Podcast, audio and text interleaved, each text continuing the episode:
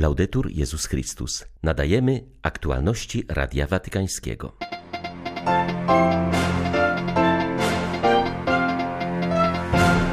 Watykańska Biblioteka Apostolska ma nowego prefekta. Został nim włoski salezjanin i tomista ksiądz profesor Mauro Mantovani. Na Bliskim Wschodzie i w Ameryce Północnej trwają kontynentalne zgromadzenia synodalne. Braki w pomocy humanitarnej dla Syrii pokazują, że dla świata istnieją ofiary drugiej kategorii. Nie mamy podstawowych leków, mówi Radiu Watykańskiemu dyrektor szpitala w Aleppo. 14 lutego witają Państwa ksiądz Tomasz Matyka i Krzysztof Bronk. Zapraszamy na serwis informacyjny. Papież mianował nowego prefekta Apostolskiej Biblioteki Watykańskiej. Został nim włoski salezjanin ksiądz profesor Mauro Mantovani. Jest on dziekanem Wydziału Filozofii na Papieskim Uniwersytecie Salezjańskim w Rzymie. Ksiądz Mantovani urodził się w 1966 roku w Moncalieri w Piemoncie. 20 lat później złożył pierwsze śluby u salezjanów, a w 1994 roku został wyświęcony na kapłana. Uzyskał doktorat z filozofii na Papieskim Uniwersytecie w Salamance oraz doktorat z teologii na Papieskim Uniwersytecie Świętego Tomasza w Rzymie. Nie bójcie się mówić, nie bójcie się słuchać, a także nie bójcie się zmieniać zdania na podstawie tego, co słyszycie. Z takim apelem zwrócił się kardynał Mario Grek, sekretarz generalny Synodu Biskupów, do uczestników rozpoczętego wczoraj w Orlando kontynentalnego zgromadzenia synodalnego Ameryki Północnej. Zachęcił on do szczerego dialogu, który jest prowadzony w duchu prawdy i miłości oraz wewnętrznej wolności. Uczestniczcie w zgromadzeniu kontynentalnym, pielęgnując postawę synodalną, która wyraża się przez dialog. On jest jedyną drogą, na której możemy wzrastać jako Kościół. Pierwszym owocem i znakiem autentyczności prawdziwego dialogu jest bowiem to, że każda osoba jest otwarta na nowość. To znaczy, że jest gotowa zmienić własne zdanie na podstawie oraz dzięki temu, co usłyszała od innych w świetle Słowa Bożego i magisterium Kościoła. Nie bójcie się mówić, nie bójcie się słuchać, podejmować wysiłku, by przyjąć i zrozumieć innych, a także nie bójcie się zmieniać zdania na podstawie tego, co słyszycie. Kontynentalne Zgromadzenie Synodalne Ameryki Północnej odbywa się do 17 lutego w Orlando na Florydzie.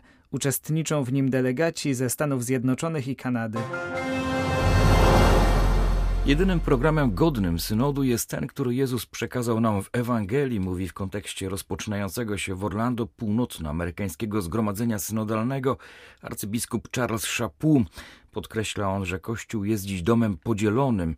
Zarówno lewica, jak i prawica forsują swoje programy. Tymczasem kościelne zgromadzenia powinny dotyczyć głoszenia Ewangelii, a nie promowania jakiejś ideologii czy socjologicznej analizy. Były arcybiskup Filadelfii jest jednym z najbardziej doświadczonych ojców synodalnych w USA. Zauważa, że w Nowym Testamencie jest tylko jedno miejsce, w którym pojawia się greckie słowo oznaczające synodalność – a mianowicie kiedy Maryja i Józef są w drodze powrotnej z Jerozolimy do Nazaretu i odkrywają, że wśród podróżnych nie ma Jezusa. Również i my musimy się upewnić, czy na czele i w centrum naszego synodalnego podróżowania jest Jezus, a nie jakiś obcy program, który wykorzystuje Kościół do własnych celów i prowadzi go w złym kierunku, mówi arcybiskup Szapu.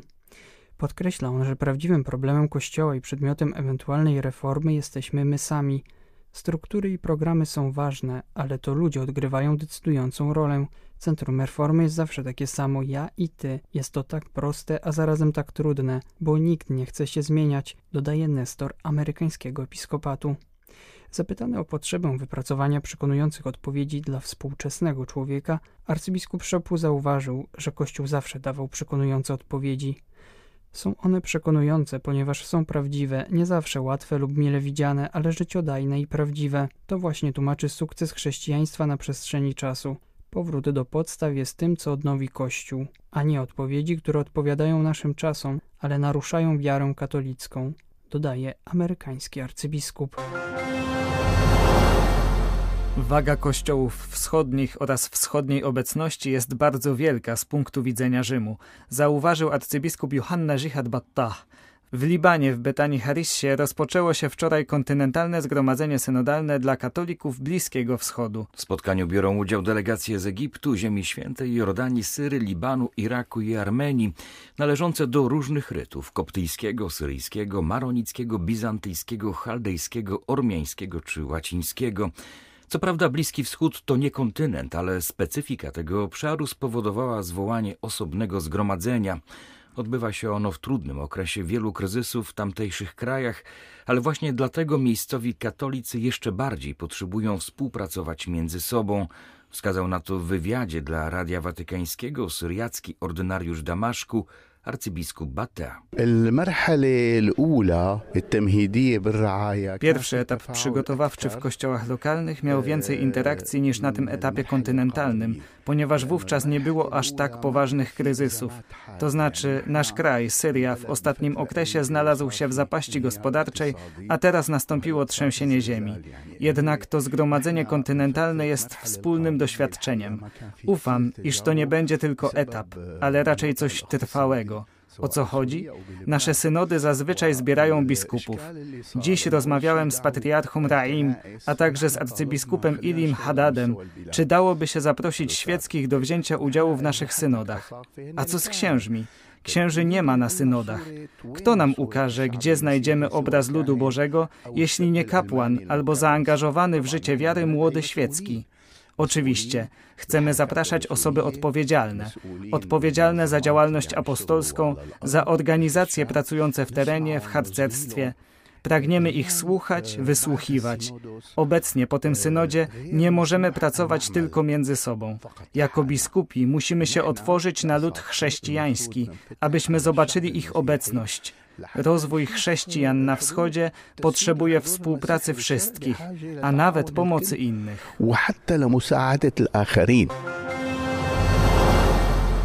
Walki na froncie w Donbasie stają się coraz bardziej intensywne. Ponadto Rosjanie ostrzeliwują zaciekle również punkty cywilne, innymi w obwodach zaporowskim, hersońskim. Ostatniej nocy ucierpiał też szczególnie nadczarnomorski Oczaków ale pomimo kolejnych syren alarmowych i bojów pozostajemy wdzięczni Bogu oraz naszym siłom zbrojnym za kolejny dzień życia, wskazał dziś w swoim orędziu arcybiskup Światosław Szewczuk. Znowu Znowu ta miniona doba była krwawym dniem i krwawą, piekielną nocą, ale mimo tak tragicznych chwil i okoliczności Ukraina stoi, Ukraina walczy, Ukraina się modli. Naród ukraiński okazuje cuda wytrwałości. Jesteśmy dziś w stanie opierać się tak pełnoskalowej rosyjskiej inwazji dzięki wierze w Boga i sile, jaką daje nam chrześcijańskie przekonanie, że zło zostało już pokonane, a my powinniśmy być nosicielami tego zwycięstwa dobra nad złem. Mocą naszej wiary stajemy się wytrwali oraz niezłomni. Nasze siły zbrojne na froncie i nasz bohaterski naród na tyłach, który niestrudzenie usuwa skutki rosyjskich ataków. Boże, błogosław Ukrainę. Boże, błogosław nasze dziewczyny i chłopaków na froncie. Boże, Ty powołujesz nas do wolności. Bądź sam naszym przewodnikiem na owej niełatwej drodze, bądź gwarantem wolności oraz niepodległości naszego narodu, bo wiemy, że to, do czego nas powołałeś, sam pomagasz nam zrealizować. Boże, daj Ukrainie długo oczekiwany, sprawiedliwy pokój. Arcybiskup Justin Welby powiedział, że dwukrotnie był wzywany do brytyjskiego parlamentu w celu wymuszenia na kościele Anglii zalegalizowania małżeństw osób tej samej płci.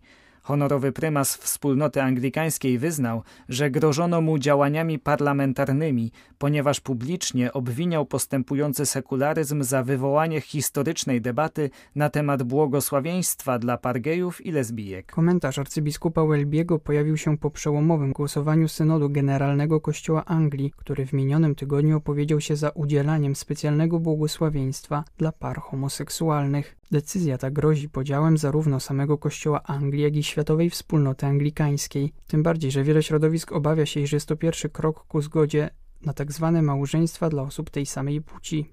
Jako pierwsze swój sprzeciw wobec projektu błogosławienia par homoseksualnych zgłosiły kościoły anglikańskie w Afryce. To jest złe i nie możemy tego zaakceptować, oświadczył arcybiskup kościoła Ugandy Steven Samuel Kazimba.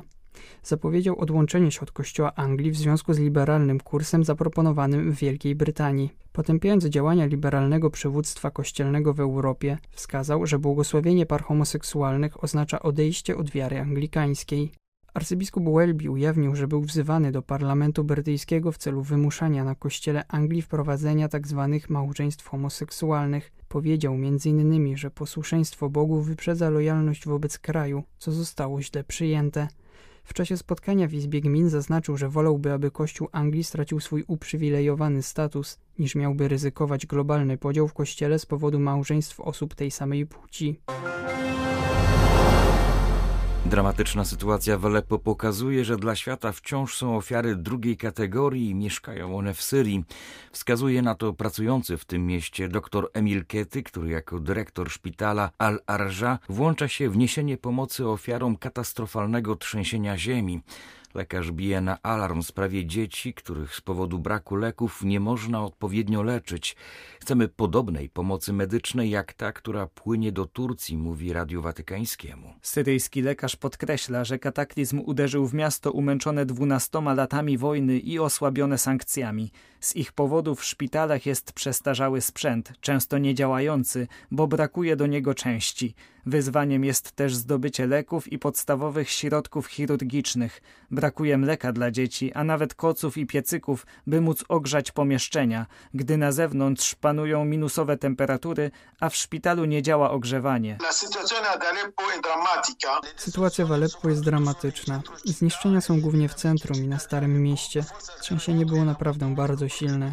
Wciąż nie wiadomo ile osób zginęło. Pomocy udzieliliśmy dwóm tysiącom rannych. Wszędzie jest pełno gruzu, który bez specjalistycznego sprzętu trudno przeszukiwać. Im więcej czasu upływa, tym mniejsze prawdopodobieństwo na znalezienie żywych ludzi. Szacujemy, że w Aleppo półtora miliona ludzi zostało bez dachu nad głową. W całej Syrii jest to ponad 5 milionów. To jest ogromny dramat ludzki, medyczny, społeczny. Aktualnie kościoły, klasztory, meczety i szkoły są otwarte na przyjęcie ofiar, ale z czasem ci ludzie będą potrzebowali własnego dachu nad głową. Solidarność miejscowej ludności jest ogromna. Angażują się w usuwanie gruzu. Do naszego szpitala przybywa wielu rannych pacjentów, którzy ucierpieli na przykład, gdy zawaliły się pod nimi schody, czy spadły na nich kawałki gruzu. Jest wśród nich dużo dzieci. Ponieważ panuje chłód, a namioty, w których się chronią, nie są ogrzewane, jest dużo chorób układu oddechowego. Wiele dzieci cierpi z powodu niedożywienia.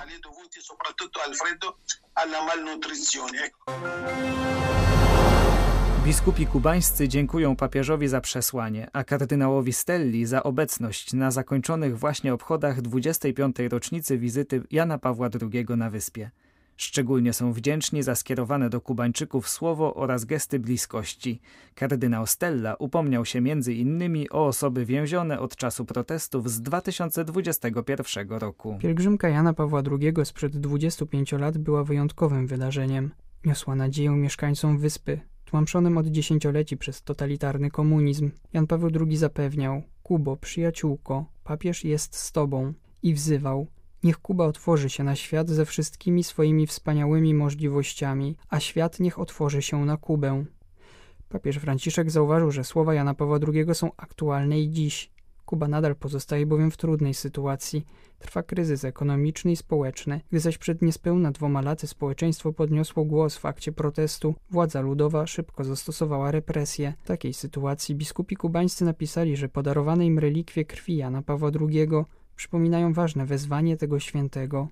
Przed 25 laty mówił do Kubańczyków: Miłość wymaga odwagi, by stawić czoła ofierze codziennego życia i czynić to z chrześcijańskim duchem i pasją. Były to aktualności Radia Watykańskiego. Laudetur Jezus Chrystus.